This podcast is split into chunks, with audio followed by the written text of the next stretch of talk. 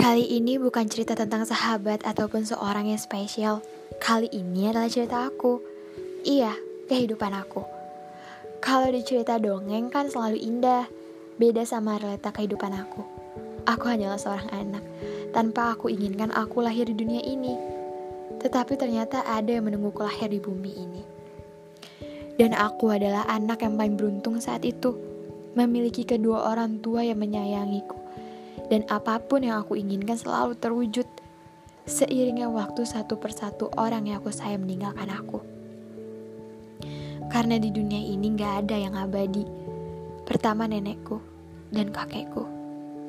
Meninggalkanku bukan hanya aku yang mereka tinggalkan, tetapi semua orang yang menyayangi dia. Dan tidak pernah aku sangka seorang ibu yang melahirkanku, membesarkanku, orang yang paling pertama melindungiku. Pergi meninggalkan aku. Tanpa pesan dan tanpa sebuah peringatan. Kalau ia ingin pergi aku gak bisa berbuat apa-apa lagi. Hanya bisa mendoakan dan mengikhlaskan. Jika boleh meminta biar aku yang pergi duluan. Tetapi ternyata Tuhan berkata lain. Seiringnya waktu terus berjalan berjalan terus Aku kira ceritaku akan berakhir di sini. Ternyata tidak. Ada lagi cerita yang baru. Ayahku yang aku anggap sebagai superhero ternyata mengutamakan soal perasaannya. Iya, ayahku menikahi perempuan lain secara diam-diam tanpa sepengetahuan aku dan kakakku.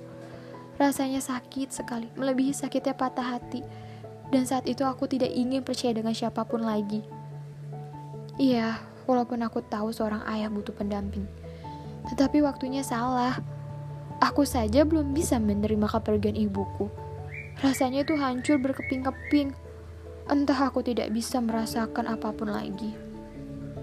Lalu akhirnya aku dan kakakku pergi untuk mengalah. Aku kira jalan yang terbaik. Ternyata bukan. Aku hanya memiliki kakakku, tetapi ternyata kakakku beda ayah denganku. Semakin merasa sendirian, tidak punya siapa-siapa lagi. Rasa putus asa, ingin mengakhiri hidup itu pernah ada.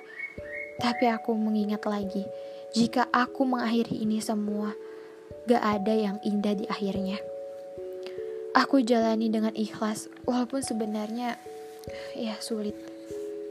Dan masih ada lagi cerita-cerita yang menyedihkan, yang aku gak mau ingat lagi. Aku bisa dibilang tidak pernah bersyukur.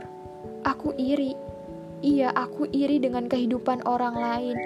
Aku ingin seperti mereka yang memiliki kedua orang tua, hidup serba berkecukupan, penuh dengan kasih sayang.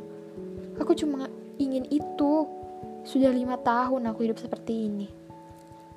Tapi tidak cuma itu aja. Ternyata masih banyak yang peduli dengan aku. Jadi perasaan aku salah kalau aku hanya sendiri. Tapi ini semua ada hikmahnya.